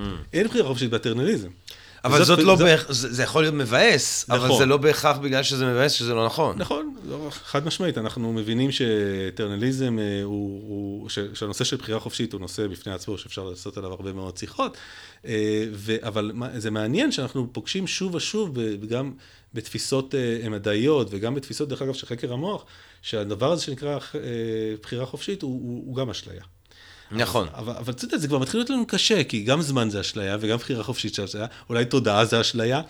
זה אני לא, כל השאלות לא הגדולות האלו, ואנחנו, תודה, אשליה, לא, אשליה, אשליה, לא, משהו. בסוף צריך... אה, אני, רוצה להגיד משהו על תודעה כאשליה, זה אני, אני קשה לי עם התפיסות האלה, אני הכי מוכן לאכול כמו מרק את הרעיון שהזמן הוא אשליה, שבחירה אה, חופשית היא אשליה, שתחושת האני היא אשליה, אבל... אה, עצם התודעה, עצם התודעתיות, להגיד עליה לאשליה, בעיניי זה סוג של קטגורי מיסטייק. כן, אני רואה פה, הנה, נכנס פיל, ואני חושב שיש פיל, אין פיל, זה אשליה. אני חושב שיש לי חופש ברירה, כשבעצם אין לי, זה אשליה. אבל איך אני יכול לחשוב שאני חושב... אה, נכון, ולא לחשוב, מסכים, אני מסכים זה מתחיל אה, להיראות לי אה, משונה. אבל, אבל, אבל, אבל, שאלה, אבל זה גם כן, שאלה אחרת. ברור. אבל זה שאנחנו לא היינו רוצים שהדבר הזה יהיה אשלייתי, זה בהחלט לא סיבה לחשוב שהוא אכן לא אשלייתי. תראה, אנחנו, עוד פעם, כשאתה מסתכל על המדע, אפשר לנסות לתקוף את הטיעון הזה כטיעון פילוסופי וכטיעון מדעי. אה, כטיעון מדעי, אנחנו כל פעם מחדש נופלים אה, בבור הזה של האטרנליזם ושל העיבוד הבחירה החופשית, ושהזמן הוא, הוא במידה מסוימת אשליה. אה, זה מה שהמדע אומר. קשה לנו קצת לקבל את זה. אמנם יש טיעונים שתורת הקוונטים מכניסה איזשהו מרכיב נוסף, שאנחנו צריכים להתמודד איתו, שהוא, שהוא לא מתחבר עם, עם האמירות הללו, אבל, אבל אבל אני אומר עוד פעם, עצם העובדה שהשפה המתמטית היא השפה המדעית, היא מקשה עלינו מאוד למצוא מקום לזמן בתוך התמונה המציאות, בתוך תמונת המציאות, בתוך תמונת המציאות הפיזיקלית. אז זאת אומרת, אתה, הסיבות לזה שבחשיבה שלך, בהגות שלך, אתה לא מרוצה מהאטרנליזם, אה, זה בעצם בגלל שהוא שולל את הבחירה החופשית, או בגלל שהוא אה, מחויב להבנה מתמטית וככזאת כן, סטטית כן, לדבריך כן, של המציאות? כן, אני חושב שבסוף אנחנו אה, נפלנו לבור הזה, אה, בגלל שהמתמטיקה הובילה אותנו לשם. ולא בגלל ש, שהמציאות היא באמת כזאת. אני חושב שהתחושה, עוד פעם, אתה יודע, אני כותב את זה, היקום לא, לא חייב שום דבר לאינטואיציה שלנו. כן. אוקיי? זה לא מעניין באמת מה אנחנו אה, חושבים או, או מרגישים, או... זה אין לזה שום משמעות. אנחנו צריכים באמת, כשאנחנו מנסים להסביר את אנחנו חייבים להתנתק מזה, כי, כי, כי אנחנו כנראה טועים, אנחנו טועים בלא מעט דברים, אז אנחנו כנראה גם טועים באינטואיציה, בתחושה, בחוויה שלנו. כן. ולכן אני אומר, זה... אבל עדיין, אני כ, כ, כסוכן פעיל בתוך המציאות הזה, שבוחר ועושה דברים, ו, ואני עדיין אה, אה רוצה ומנסה למצוא את המקום הזה של הזמן. אה, ואולי גם בתוכו את הנושא של הבחירה החופשית, את ה-becoming הזה, את העובדה שמשהו כל הזמן חדש קורה, ויש לנו עליו השפעה, אני רוצה למצוא את זה. ולכן אני עדיין לא ויתרתי. אה, אני רק חושב שבתפיסות הקיימות ובתבניות המדעיות שאנחנו אה, נעים בתוכן ומנסים למצוא את התיאוריה הבאה, את התיאוריה של הכל, כל ה... אתה יודע, הגביע הקדוש הזה שרצים אחריו, אני חושב שאנחנו כל הזמן נתקלים באותו קיר, והגיע הזמן אולי קצת לשבור את, ה, את הכיוון הזה, ולנסות להכניס מרכיבים חדשים לתוך השיח, גם המדעי וגם הפילוסופי, שאולי אה, יכניסו איזשהו ניצוץ חדש ב, ביכולת שלנו להבין. אז פה אתה בעצם אה, בא ומציע את אה, רשת הזמן. אמרנו, כל האפשרויות קיימות קיום ממשי, רק אחת אבל מתממשת. כן, אה, פה בשביל להסביר קצת יותר, אני חייב לגעת בשני מושגים, אני לא יודע כמה זמן יש לנו. בבקשה. אבל אני חייב לגעת בשני מושגים אה, מאוד חשובים, אה, שאני חושב שהם היום, אנחנו רק מתחילים להבין אותם, ואתה שואל אותי באופן אישי, אני חושב ששם תמונה המהפכה הבאה. בתפיסה של האנושות את המציאות. Mm. ושני המושגים הללו, אחד מהם מגיע מתורת הקוונטים, mm. שהוא אה, אה, מושג שנקרא שזירה קוונטית, mm-hmm. ש, שתכף אני אגיד על זה כמה מילים, כמה שאפשר, למרות שזה... אם חשבנו שהזמן, אה, זה, והיחסות של הזמן זה mind blowing, אז, אז, אז שזירה קוונטים זה, זה, זה אחד הדברים הכי אה, מפתיעים ומוזרים שאנחנו מסוגלים להבין היום על המציאות. אה, והדבר השני שאני רוצה להגיד על המילה, זה, זה דבר, זה, זה תפיסה שלמה שנקראת תורת המורכבות והרשתות, שאני חושב שיש לה, אה, היא תהיה לה, אה, היא תהיה שחקן מרכזי במהפכה הבאה. Mm. אז קודם כל, בואו נבין רגע מה זה סזירה קוונטית, ואני אגיד את זה בכמה מילים. לא, ש, לא שאני מבין מה אני הולך להגיד, אבל אני חושב שאף אחד לא מבין. Mm. גם מי שמתעסק בזה לא באמת מבין מה זה אומר, אבל אנחנו מבינים היום שהעולם מתנהל בצורה כזו, שאני אומר העולם זה העולם הקוונטי, העולם של החלקיקים, mm. שבסופו של דבר הכל בנוי מהחלקיקים הללו, זאת אומרת, mm. גם אני וגם אתה וגם המוח שלנו, וגם כל דבר שאנחנו רואים סביבנו, הכל בנוי מאותם חלקיקים, אז, אז הניסיון להבין אולי את המציאות באמצעות החלקיקים האלו, להבין איך הם מתנהלים, ואז אולי נצליח להבין את המציאות עצמה, זה ניסיון שיפה, הוא מוביל אותנו ל... שאלות הרבה יותר קשות ממה שהתחלנו, mm. אבל אנחנו מנסים לפחות, אנחנו כאנושות, כן, לא, לא אני. אה, מה זה זירה קוואטית? זירה, אנחנו יודעים, מבינים היום, ששני חלקיקים שהייתה ביניהם, לא משנה איזושהי אינטראקציה, אה, יש ביניהם איזשהו קשר. Mm. כשאני אה, אה, עושה איזושהי פעולה, או אני מסתכל, או אני מודד חלקיק אחד, הוא ישפיע ב, באופן מיידי על אותו חלקיק שני, ולא משנה מה המרחק ביניהם. כן. ואנחנו מבינים היום שההשפעה הזאת היא לא השפעה של מעבר של אינפורמציה. אינפורמציה האור. כי היא מיידית, בדיוק, היא לא יכולה לעבור יותר מהר ממהירות האור, ולכן יש פה איזו השפעה שהיא מיידית, mm. היא לא פיזית, היא לא, אין פה נגיעה, mm. הרי משהו יכול להשפיע על משהו או באמצעות, באופן פיזי, או בהעברת אינפורמציה. ואנחנו רואים שיש פה השפעה של אחד על השני, שהוא לא זה ולא זה. יש פה השפעה שהיא א-לוקאלית, היא, לא, היא מעבר למה שאנחנו מבינים כהשפעה. אה, אה, סוג של סינכרוניות. זה מעבר לסינכרוניות, כי זה לא משהו, זה לא באמת סינכרון, זה ממש איזושהי, אתה יכול להסתכל עליהם בסוף כאיזה אחד, mm, אוקיי? ש, כן. שאתה נוגע פה ומשהו קורה פה. אבל... זה אפילו לא בו זמניות, זה, זה אפילו לא אחדות של קיום של... זה עוד פעם, זה כבר כן. פרשנות מסוימת, כן, כבר כן, מכניס כן, פה כן, פרשנות, כן, כי, כן, כן, כי אין לזה, אף אחד לא יודע להסביר מה קורה לא, שם באמת. לא. אבל אנחנו מבינים שהמציאות מתנהלת ככה, המציאות החלקיקית mm. מתנהלת בצורה כזאת. והשזירה הזאת היא איזושהי אה, תכונה של המציאות, שאנחנו אה, מתחילים להבין אותה, ומתחילים אולי גם להשתמש בה לדברים, גם לדברים פרקטיים דרך אגב, כמו אה, לא יודע, מערכות להצפנה וכדומה, יש, יש כל מיני ניסיונות כאלו ואחרים, אבל, אבל אנחנו גם אה, בעיקר מתחילים להיעזר בה כדי לנסות ולהסביר דברים במציאות, אולי גם את מושג הזמן. זה אחד. הדבר השני שאני... אה, ואולי תגיד, אתה יכול להגיד מילה על אה, מה המשמעות שלה, שזירה הקוונטית הזה מבחינת הזמן? אז רגע, זה מתחבר לי, אני תכף אוקיי. אחבר את זה. זירה קוונטית כזירה קוונטית לא מדברת על זמן. זאת אומרת, כן. אתה לא יכול, לזירה קוונטית, לא, לא יצאו מסקנות או תובנות על מושג הזמן. הדבר השני שקורה מאוד, מאוד מעניין בעשרות השנים האחרונות, זה, זה התפתחות של דבר שנקרא תורת המורכבות, שזה בעצם הניסיון שלנו להבין כיצד מערכות מורכבות מתנהלות ומה קורה בהן. איך קצת הן מתפתחות ו, וכיצד מתפתחות תופעות חדשות. מערכות מורכבות יכול להיות אה, גוף האדם, לא, אוסף של חלקיקים, אה, אוסף של תאים, סליחה. אה, מערכת מורכבת יכולה להיות הכלכלה, אוקיי? שוק ההון, זה מערכת מורכבת מהרבה מאוד אה, פעולות כאלו ואחרות, וזה יכול להיות... אה, להקה של ציפורים, וזה יכול להיות אה, אה, קן של נמלים, אוקיי?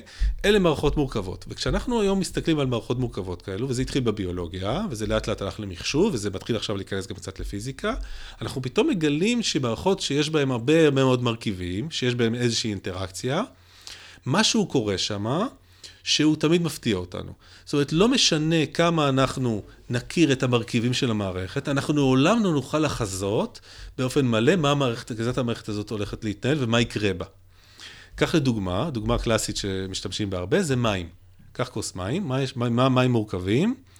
מ-H2O, ממולקולות מים. עכשיו, מול... זה הדבר היחיד שיש במים.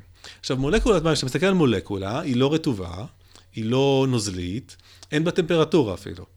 אבל כשאתה לוקח הרבה מולקולות ביחד עם אינטראקציה אחת עם השנייה, פתאום מופיעות תופעות מאוד מוחשיות בחיים היומיומיים שלנו, שאנחנו, זה נראה לנו דבר אה, מאוד מאוד ברור ומוחשי ומציאותי, אבל בעצם היא לא, היא לא, היא לא מופיעות באף אחד מהמרכיבים של המערכת, אז מאיפה הן מגיעות? זאת אומרת, יש פה התהוות, זה נקרא אמרג'נס, mm. של תופעות בתוך mm. מערכות מורכבות, שבעצם אה, אה, אנחנו מגלים דברים חדשים, שלא יכולנו לראות אותם באף אחד במרכיבים כן. של המערכת. גם אחד מההסברים שאנשים אה, מציעים בפילוסופיה של ה... philosophy of mind, להיווצרותה של התודעה. נכון. משהו שבא מתוך... לא אומרים שבעצם אוסף של...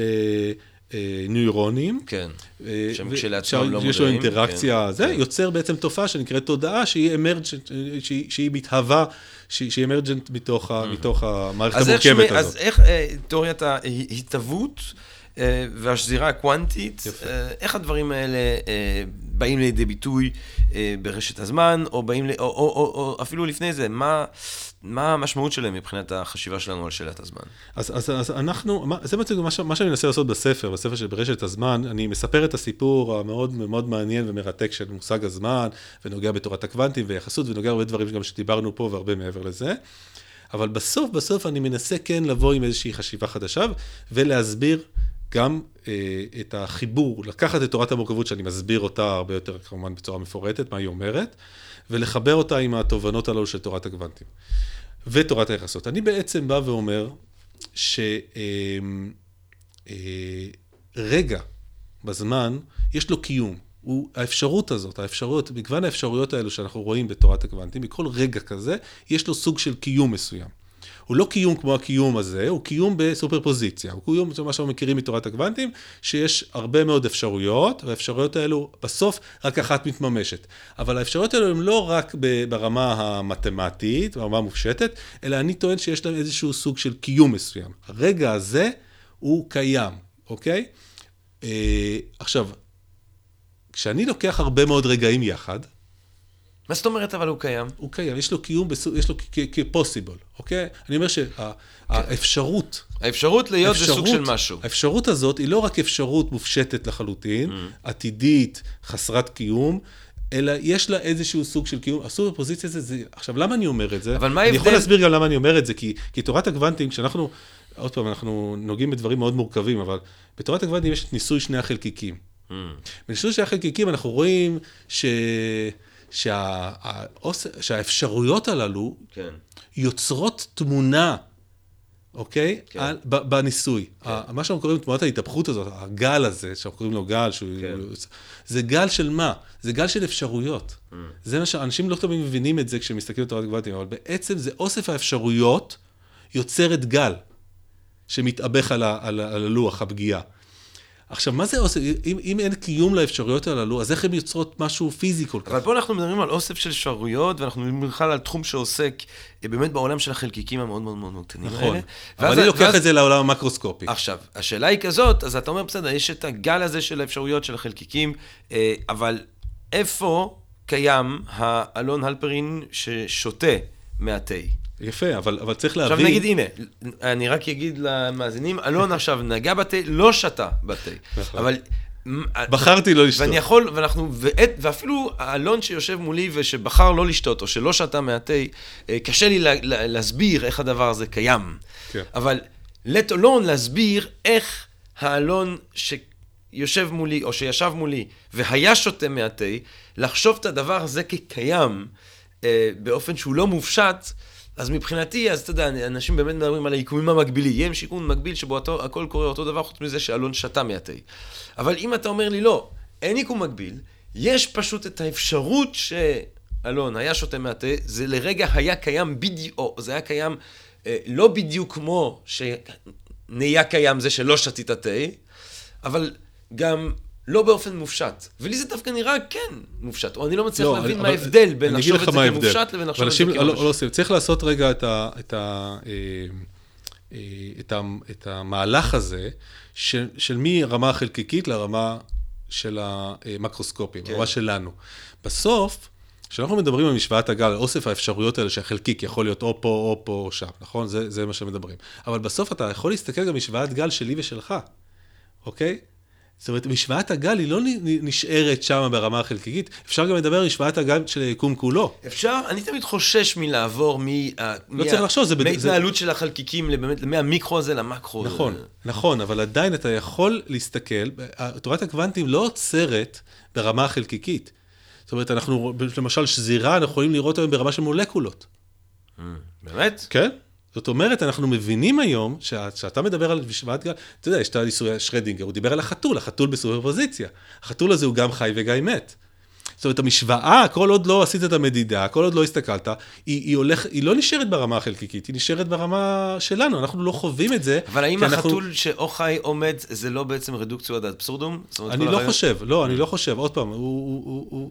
זה, עזוב רגע את החתול, יש הרבה, טיעון, הרבה טיעונים נגד ה, ה, ה, ה, הניסוי הזה, או הניסוי כן, המחשבתי הזה. כן. אבל, אבל צריך להבין שאנחנו מדברים על משוואה של אפשרויות, היא לא עוצרת ברמה החלקיקית, היא, עוצרת, היא לא עוצרת בשום רמה. זאת אומרת, היא בסוף יכולה להגיע עד רמת היקום כולו, איזה, אתה יודע, איזה מישהו מסתכל. אז כל האפשרויות... אז אני אומר ש, בעצם... שיש בפניך עכשיו, אתה יכול לקום, לקפוץ, לדפוק בדלת, לזרוק עליי מים, לשתות מים, להרוס את המיקרופון, כל האפשרויות האלה כרגע קיימות. יש לה קיום מסוים. יש להם קיום מסוים. בסופר פוזיציה, אוקיי? הרגע הבא, יש לו סופר פוזיציה של, של, של הרבה אפשרויות, שכולם יש להם איזשהו קיום מסוים. Mm. ודרך אגב, זה מתפתח. כי ברגע ש, שקרה משהו מסוים, אז אוסף האפשרויות משתנה. נכון. אוקיי? כי מאותו רגע האפשרויות הן כבר אחרות, נכון? כן. זאת אומרת, אתה רואה, עכשיו, ולכן יש, יש גם, יש, לכל אפשרות כזאת יש אוסף אוקיי, של אפשרויות. אוקיי, אבל איך הדבר הזה מסתדר? איך הדבר הזה מסתדר? אמרנו מקודם שיש אה, אה, את הבעייתיות הזאת של לחשוב את הדברים כקיימים במקביל. כן? אמרנו שלפי איינשטיין, אה, יש את ה... הם מחליטים באנדרומדה שהם הולכים לתקוף אותי. מבחינתי בחללית זה כבר קרה. מבחינתך, כדור הארץ, למרות שאנחנו יכולים להסתכל אחד על השני בעיניים, אה, זה עדיין לא קרה. נכון. אבל אה, לפי התורה הזאת, אה, זה עדיין, אז בשבילי זה עדיין בגדר מגוון האפשרויות, אבל בשביל אחד זה כבר התממש. נכון, יש פה, יש פה איזה משהו שאנחנו עדיין, עוד פעם, אני, את, זה לא שיש איזו תפיסה ש, שהיא עכשיו מקובלת לחלוטין, יש פה, יש פה עדיין הצעה, בעיות קשות. זה הצעה, יש כן. פה בעיות עדיין מאוד קשות, אבל, אבל כן, יש פה איזושהי הסתכלות שכן מסתכלת על גוש של קיום של אירועים, של אפשרויות, ש, ש, שבתוכם עבור אחד הוא עתיד, עבור אחר הוא עבר, אבל, אבל, אבל יש עדיין איזשהו becoming, יש משהו קורה שם בתוך הדבר הזה, שהוא אה, אה, בכל רגע מתהווה משהו, בחוויה האישית שלנו, מתהווה רגע מסוים ולא אחר. כן, אבל, אבל אם אני עוד צריך לחכות לזה שיקרה שבאנדרומדה יחליטו על תקיפה, זה מה שהולך לקרות. לא הולך לקרות משהו אחר נכון, ממה שקרה לך. נכון. בסוף זה יקרה דבר, רק דבר אחד. יקרה רק דבר אותו אחד. אותו דבר שכבר קרה לי בחללית. יכול להיות. חייב. יכול להיות, אני לא יודע להגיד לך עוד. לא יודע להגיד לך, אבל יש פה איזשהו חיבור שאנחנו צריכים לדעת עדיין לפייס בין תפיסה אטרנליסטית לתפיסה הפרזנטיבית, אבל, אבל אני חושב שיש פה איזושהי התחלה של מבנה, שהוא מבנה, וזה זה, זה המהלך הבא, מבנה רשתי. כי כשאני לוקח את כל אוסף האפשרויות הללו, והטענה שלי שיש ביניהם אינטראקציה. זאת אומרת, יש פה שזירה, הם שזורים אחד בשני באופן קוונטי, ולכן כשקורה משהו מסוים, יש לו השפעה על כלל הרשת, hmm. אוקיי? והטענה שלי היא שבבסיס המציאות זה רשת של אירועים, רשת של רגעים, סליחה, רשת של רגעים, שיש ביניהם איזושהי אינטראקציה קוונטית, יש פה השפעה כזו או אחרת באופן שהוא לא לוקאלי, באופן שהוא לא פיזי או העברת תקשורת, ו, ובכל רגע נתון מתוך הרשת הזאת, מתהווה רגע מסוים. למה הוא מתהווה? זה אני יכול להסביר באמצעות תורת המורכבות, למה יש אמרג'נס של רגע מסוים ולא רגע אחר. נו. No. זה קשור להסתברות. זה בסוף קשור לזה שרמת ה... אה, אה, אה, שזירה קוונטית של הרגע הספציפי הזה, היא גבוהה משמעותית מכל רגע אחר. ולכן דווקא הרגע הזה הוא רגע שיתהווה, ואנחנו נ, נ, נ, נחווה אותו כ, כרגע, מה שאנחנו קוראים מציאות, אוקיי? של קיום במציאות. אמ, וגם זה מסביר למה כל הרגעים דומים אחד לשני, למה הרגע הזה דומה לרגע הבא ולא לרגע, ולרגע שאחריו, שלפניו, כי, כי לסזירה יש קשר לקונפיגורציה של החומר בתוך אותו רגע. ואם הקונפיגורציה היא דומה, אז השזירה היא משמעותית, ולכן כל רגע, אני, אני לוקח אותנו למקומות מאוד מורכבים, ואני מסביר את זה כמובן בצורה הרבה יותר פשוטה בספר, אבל, אבל זה נותן לנו איזשהו מבנה שמסביר לנו מצד אחד את, ה, את העניין הזה של, של, של גוש של אירועים שיש להם קיום, של אה, אירועים שמתפתחים כל רגע ורגע, ואנחנו לא יודעים באמת להסביר למה דווקא האירוע הספציפי הזה ולא אירוע, למה הרגע הזה ולא רגע אחר, ומחבר את זה לתפיסה קוונטית של, אה, של, של רשת אה, שזורה, של זירה קוונטית, שנותנת לנו גם את ההבנה של, של המשוואת גל הזאת, שאנחנו לא באמת מבינים מה... מה, מה מתאבך שם אחד לשני, מה, מה, מה קורה שם אחד לשני. אז מה שקורה זה באמת הרשת הזאת מתאבכת אחת בתוך עצמה. בין, mm. בין כל אוסף הרגעים הללו, אוסף האפשרויות הללו, יש שם אינטראקציה שבעצם יוצרת את מה שאנחנו חווים. ו, ו, ו, ובסוף, כמו שבכוס המים, כשאני מסתכל על כל רגע ורגע, אני לא מצליח להבין, אני עכשיו ברגע מסוים, אני צריך להבין מה זה זמן, נכון? כי זה רגע מסוים, שהוא סטטי ורגעי, זה התמונה הזאת בפילם. אבל, ואותו דבר במולקולה שלנו, כשאני מסתכל על מולקולה שלנו, אני לא רואה רטיבות, אני לא רואה נוזליות. אבל כשאני רגע עושה זום אאוט ואני מסתכל על אוסף הרגעים הללו, שבתוכם יש התנהלות, יש איזושהי אינטראקציה, שבעצם מתוכם מתהווה בכל רגע ורגע, רגע מסוים, יש התהוות של דבר כזה שנקרא זמן, שהיא תכונה אמרגנטית. מעבר, כמו, אז, כמו, ה, כמו ה, אה, הנוזדיות והרטיבות של המים, ככה הזמן היא תכונה אמרגנטית של רשת הרגעים הללו, שהיא רשת, בבסיס של הרשת סטטית. מעניין. מעניין, מעניין, מעניין, מעניין, מעניין, מעניין, מעניין, מעניין מאוד. מעניין מאוד, אני, אני, אני חושב שהבעיה שלך, יש פה, יש פה בעיה עם מה שהסברת מקודם, אבל, עם המקבילות הזאת. איזה מקביל? עם הסימולטניות. הס, כאילו, הס, הסימולטניות והחוסר סימולטניות. יש פה, יש פה עדיין משהו שצריך לפתור. כי, כי, כי, כי באמת, שוב, אם אני על כדור הארץ, אנדרומדה מחליטים שהם הולכים לפוצץ לנו את הצורה. אה, החבר שלי בחללית, אנחנו, יש לנו את אותו מבט אחד בשני, חטוף, כן? בשבילו זה כבר קרה. בשבילי אולי, זה נכון. לא קרה. אבל... שנייה, זה, ו, ו, ו, ואז, אם זה רוצה להגיד ש... בשבילי זה הולך לקרות, הדבר הזה, זאת אומרת, אטרנליזם. אין פה אה, אה, אה, אפשרות של, של אקראיות כבר מבחינתי, כי זה כבר קרה לא. אם לא, הולך להיות מצב שלא, שהוא ואני כבר לא באותה מציאות. אבל, ואז אני, זה יקומים מקבילים. אני מסכים, אבל אני טוען שיקום הגוש הוא, הוא טיעון שאנחנו אה, כנראה נפרק אותו מתישהו. הוא לא טיעון אה, אה, אה, מבוסס מספיק. הוא טיעון שאנחנו נצליח להבין שאם אנחנו ניתן לדבר הזה שנקרא possible, לזה שנקרא אפשרות, קיום פיזיקלי, ברמה שונה מקיום שאנחנו רגילים, קיום פיזיקלי בסופר פוזיציה, אבל קיום פיזיקלי, אז יכול להיות שאנחנו נדע להכניס את זה כן. לתוך ההבנה הזאת של יקום הגוש, או התפיסה, או, או היחסיות של הזמן, אז אנחנו אולי נצליח להבין ש, שיש לנו איזושהי דרך אה, לפייס בין הדברים. אתה יודע, אני תמיד נורא אוהב, אה, קאנט שלפני המהפכה הביקורתית, קאנט שעוד חשב שאפשר לעשות אה, פילוסופיה מטאפיזית, כן. כן, ואיינשטיין אגב, אחרי קאנט אומרים שאי אפשר לעשות שום פילוסופיה שעוסקת בדברים כשלעצמם, אפשר רק לעשות נכון, פילוסופיה נכון, לגבי. התנאים הבסיסיים לעצם החוויה שלנו, ההבנה שלנו, ועוסק נכון. בזמן, אבל כקטגוריה של ההבנה שלנו, לא השאלות שאתה מעז לעסוק בהן, הזמן כשאלה מטאפיזית ואונתולוגית.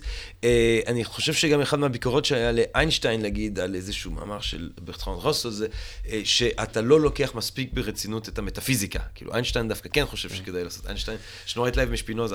אבל קאנט שלפני קאנט, קאנט שלפני המהפכה הקנטיאנית, אה, כן אהב לעשות אה, עוד מטאפיזיקה כזאת, ויש לו הוכחה בספר אחד שקוראים לו הסיבה היחידה, או The Grund, הבסיס היחידי אה, להוכחה אה, לקיום האל, יש שם רגע שהוא רוצה להוכיח שהיש ישנו בהכרח, והוא משתמש בטיעון דומה אה, mm-hmm. לטיעון שאתה מביא פה, הוא רוצה להקנות בעצם לאפשרות קיום ממשי, והוא אומר דבר כזה, זה פשוט הוכחה שאני מאוד אוהב אותה. Okay. כן. הוא אומר, אה, תדמיין שאין כלום, אין כלום. אין, אין, אין את אלון אלפרין, אין את ג'רי פוגל, אין את החדר הזה, אין את הפודקאסט, אין את תל אביב, אין את העולם, אין את הקוסמוס, אין את היקום, אין כלום, כלום, אין, ריק. אין כלום, אין בעיה, כן? כלום לא סותר את הכלום, אין. אבל יש. משהו יש. אנחנו לא יודעים מה, אנחנו יכולים לא להסכים על מה, זה יכול להיות משהו שונה ממה שאנחנו חושבים שישנו, אה, אה, אה, זה יכול להיות משהו שהוא כמו הצורות של אפלטון אל מול החומר שהוא אשלייתי, אבל משהו בקטע הזה של להיות קיים, אף אחד לא אומר שאין. כאילו משהו קורה, משהו בקטע הזוי הזה של להיות. ועכשיו השאלה היא, האם היש ישנו בהכרח, או האם היה יכול להיות מצב שאין כלום. ואז כאן אתה אומר, טוב, לכאורה, מעצם זה שקיים, אי אפשר להסיק שהקיום הוא הכרחי. אבל הוא אומר, מעצם זה שיש, ויש, אז בהכרח אנחנו יכולים להסיק שאפשרי שיהיה, כי יש. כן.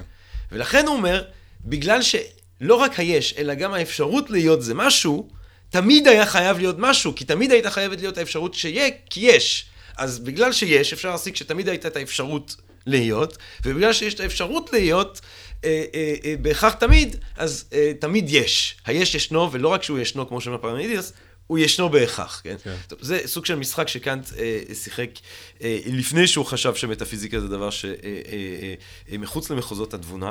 ואני מעלה את הדוגמה הזאת, אני רוצה להגיד משהו על המטאפיזיקה ולחבר את זה לעוד משהו, כן. כי, כי זה, זה נכון, זאת אומרת, אני, אני משתעשע, בוא, אני מאוד נהנה ממה שאני עושה. ברור. ואני משתעשע במטאפיזיקה, למרות שבאמת, בוא נגיד, בעולם הפילוסופי אה, לא, לא, לא הולכים כל כך לכיוון הזה.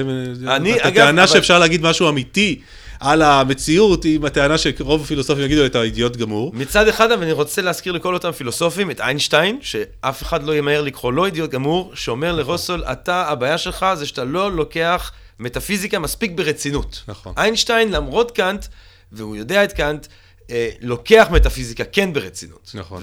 וראינו לאן זה הוביל. ואני רוצה לחבר את זה למשהו שאני חושב, ואני חושב שברגסון, ברגסון, Mm. ש, שהיום מקבל איזושהי דחייה מחדש קצת בעולם הפילוסופי. שהתפלמס עם נכון, איינשטיין, אני, אגב. כן, שגם כן, נכון, כן, כן. ברור. ו- וקראו לעצמי הפרמנידס, הוא קרא לעצמו, הוא קרא לאיינשטיין פרמנידס, והוא אה, הרקליטס. בדיוק אה, זה נכון. אה, ו- ו- ואני חושב שפה יש משהו מאוד מעניין, אם דיברנו קודם על המושג הזה של אה, שינוי שהוא קיים בחומר, מעבר לתנועה, זאת אומרת, התנועה היא, היא משהו שהוא, שאנחנו חווים, אבל שבחומר יש איזושהי תכונה של שינוי, אני חושב שאנחנו, שברגסון בעצם עלה פה, לפני שהוא ידע מה זה שזירה קוונטית, אני חושב ששזירה קוונטית זה בדיוק הדבר הזה, זה הדבר הזה שקיים בחומר לפני הזמן. הוא קודם לזמן, והוא יכול להיות שהוא הבסיס, הוא המקור של הזמן, שכתוצאה ממנו מתהווה הדבר הזה שאנחנו קוראים לו זמן, אבל בחומר יש תכונה שנקראת שזירה קוונטית, שאנחנו לא יודעים להסביר מה היא, אבל יכול להיות שהיא פשוט היא, וזהו, זאת אומרת, זו התכונה, אנחנו פשוט לא, לא, לא מחובר לשום דבר באינטואיציה שלנו, כי אנחנו לא רואים דבר כזה בשום מקום ביום-יום שלנו, אבל, אבל כנראה שיש משהו בחומר שהוא המשך הזה, שהוא הדבר הזה שאפשר על בסיסו לבנות עכשיו מערכת שלמה מורכבת, שבה מתהווה זמן. מדהים. מדהים, ואני רוצה לשאול אותך אז בסיכום, תראה, אני הבאתי את הסיפור הזה אה, אה, עם קאנט, וזה מתחבר מאוד לרעיונות של ברקסון, ואם אנחנו חוזרים ושמים את הדיון הזה על כתפי הגאונים הראשוניים שהובילו אותנו אליו, הרקליטס, פנטה ריי, הכל זורם, אל מול פרמנידס, היש ישנו, כן? אה, אה, זאת אומרת, הפרמנידס הוא אולי האבא של האטרנליזם במובן מסוים, אה, הכל ישנו, היש ישנו, הרקליטס הוא אולי סוג של האב הרוחני של הפרזנטיזם. לחלוטין. אני מאחל לך שבעוד אלפיים שנה יגידו עליך שאתה האב הרוחני של התפיסה שמגשרת ביניהם. אבל העיסוק, כן, כמו שאומרים, היו נהגו לומר היוונים, העיסוק בפילוסופיה הוא בא מתוך פליאה. הוא נובע מתוך פליאה אל מול היש, אל מול עצם היש. אה, אני חושב שכשפילוסופיה עושה את עבודתה אה, במיטבה, היא מחזירה, מוסיפה את הפליאה הזאת. אה, אה, משחזרת אותה אם היא הלכה לאיבוד, או מחזקת אותה אם היא ישנה ופועמת. והייתי שואל אותך כשאלת סיכום, מה, אתה בן אדם שחי חיים מלאים בעולם הזה, מה העיסוק הזה שלך עם הזמן? כן, אתה גם לא חייב, אתה לא מתפרנס, אתה לא, אתה יודע, זה לא אה, פרנסתך. פעם שמעתי מישהו אומר שבאהבה, כמו באהבת החוכמה, עדיף לא להיות מקצוען, כן? אמ, אמ, אתה עוסק בדבר הזה באמת מתשוקה אינטלקטואלית בלתי נדלית. אתה חושב שזה, מה, מה הדבר הזה נותן בחיים שלך? האובססיה הזאת עם הזמן, השאל, התישול המתמיד והניסיון העיקש להבין דווקא את התורות הסופר מורכבות האלה ולקרוא את הספרים הסופר מורכבים ומדוקדקים האלה, מה, מה זה עושה לך? תראה, בסוף התשובה שלי תהיה קצת משעממת, כי בסוף זה נורא מעניין אותי. כן. אוקיי, זה, זה, זה, זה בסוף ה- העניין. כן, זאת אומרת, אם כן. זה לא היה מעניין אותי, לא הייתי עושה את זה. כן. אבל, אבל אתה יודע, אתה ננסה קצת אה, לחפור אה, אה, אה, מאיפה זה מגיע. אני חושב ש... שה... ההתמודדות היומיומית שלנו עם הדבר הזה שנקרא מציאות, אני מסתכל סביבנו, והחוסר הוודאות, והפליאה הזאת באמת, כמו שאתה אומר, כשאני מסתכל, כשאני מסתכל לשמיים, זה משהו ש, ש, שמהאנושות, אני חושב, מהיום הראשון שהיא הסתכלה לשמיים, ומשהו שם, התחילו לעלות שאלות. הדבר הזה זה דבר ש, שאתה אתה כן מנסה אולי למצוא איזושהי, איזושהי אה, מסגרת קצת יותר מבוססת, קצת יותר ברורה, של מה זה הדבר הזה שאנחנו חיים בתוכו. ו- ואני, ו- ו- והאם יש לנו כמובן ייעוד מסוים, האם זה, אתה יודע, מה, מה אנחנו עושים פה? זה, זה מקרי לחלוטין? זה סתם אה, איזה... ואיך איזה... אתה חושב שהשאלות האלה על הזמן משפיעות על השאלות האלה לגבי אני חושב שבסוף, שלנו אה, ביקום? בגלל שאני מסתכל על הזמן כאחד הדברים הכי בסיסיים, זאת אומרת, אה, זה זמן, מרחב, זה, זה הדבר הבסיסי שאנחנו מתנהלים בתוכו. ואם אנחנו לא מבינים אותו, אז אנחנו כנראה לא מבינים הרבה דברים. אה, ואולי דברים שאנחנו חושבים שאנחנו מבינים, אולי אנחנו טועים. ולכן הניסיון שלי, בהתחלה, כשהתחלתי קצת להיכנס לזמן, אני מדבר על לפני 20 שנה, אז, אז, אז פתאום הבנתי עד כמה החוסר ודאות שאני, או התחושה שלי שהייתי בוודאות, שאני חושב שאנחנו, שאנחנו כאנושות מבינים משהו, עד כמה זה לא, לא מבוסס, עד כמה זה מופרך, ועד כמה אנחנו לא מבינים באמת את הדברים הכי בסיסיים, אז, אז בואו ננסה רגע לבנות את הקרקע הזאת, אה, היציבה הזאת מחדש, כדי שנוכל לבנות על זה משהו הרבה יותר יציב וברור. להגיד לך שאני מתנהל ביום-יום באיזה חשש מחוסר ודאות וזה, ממש לא, אבל... אבל זה, זה, זה מה שאני חושב, אולי זה העניין נובע משם. ומתי הפליאה הזאת אל מול הזמן, המסתורין הזה, אתה עומד מול, אתה אומר, וואלה, זמן עובר, ועוד יום, ואז מחר, ואתמול, וחודשיים. מתי זה מתחיל? זה מתחיל, ב, ב, אני חושב, בפליאה של, של, של מה זה הדבר הזה. שאנחנו, מה אתה זה? זוכר עוד כילד, זה שאלות ששאלת את עצמך לא, ממש... לא, לא. כולנו, אני חושב שבגיל שש, שבע, שואל, אין סוף, מתחילים לשמוע על מונחים כאלה, אני זוכר את עצמי מנסה. דווקא אצלי זה התחיל מאוחר יותר. Mm. זה התחיל הרבה יותר מאוחר, הפליאה הזאת. אני דווקא אני הייתי הרבה פעמים בתחושה שבטח כולם יודעים ומבינים מה זה הדבר הזה שאנחנו חיים בתוכו, ויש מדע ויש זה, והכל מאוד מאוד ברור כבר, ואנחנו... אה, אה, אין הרבה מה לחדש, ו... Mm. אבל כשהתחלתי קצת אה, להיכנס, פתאום הבנתי עד כמה, שזה התפרק לי, אז זה- אני חושב שזה זה הצית את העניין הגדול שלי ב... ב- בשאלות האלה הבסיסיות, אבל ה- אולי העתיקות והכי הכי משמעותיות שאנחנו מת- מתמודדים איתן כאנושות. אלון אלפרין, רשת הזמן, מסע להבנת הזמן והמציאות אה, בהוצאת מטר. אני רוצה אה, מאוד להודות לך על זה שלקחת את הזמן אה, היקר, כי בסוף מה שיש לנו זה זמן, כן? אני מאוד נהניתי. אה, תודה, תודה, לכם. תודה אה, שבאת אלינו. אני רוצה אה, לאחל לך אה, שתמשיך אה, אה, לחשוב. אה, אה, את הדברים האלה, ובאמת אני רוצה לעודד אותך, אה, בן אדם שכותב ומחפש תשובות יצירתיות, מקוריות, עצמאיות, לשאלה שהיא באמת אחת מהשאלות הנצחיות אה, ש- של הפילוסופיה, עוד מאז ימיהם של פרמינידס, הרקליטוס וכל שאר החבר'ה. אה, אני באמת מאחל אה, אה, אה, אה, אה, אה, לשמוע ממך עוד ולקחו אה, אולי מה שתהיה המהפכה הגדולה הבאה אה, במטאפיזיקה, כי לזה כולנו מצפים, לזה כולנו שואפים, אז אה, עלה וצלח, חזק ואמץ. תודה רבה. ותודה רבה לך שבאת אלינו היום, היה מרתק. אני רוצה גם להודות אה, למאזינות ולמאזינים אה, של הפודקאסט שלנו. אה, אתם אה, מוזמנים לבוא לשמוע אה, את אה, אלון הלפרין, אה, מרצה על אה, זמן אה, ונושאים אה, לא פחות מורכבים אחרים אה, ב-Think and Drink Different ובבמות אחרות.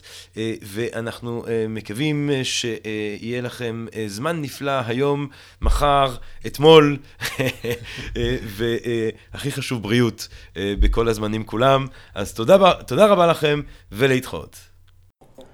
פודקאסט, פודקאסט, פודקאסט.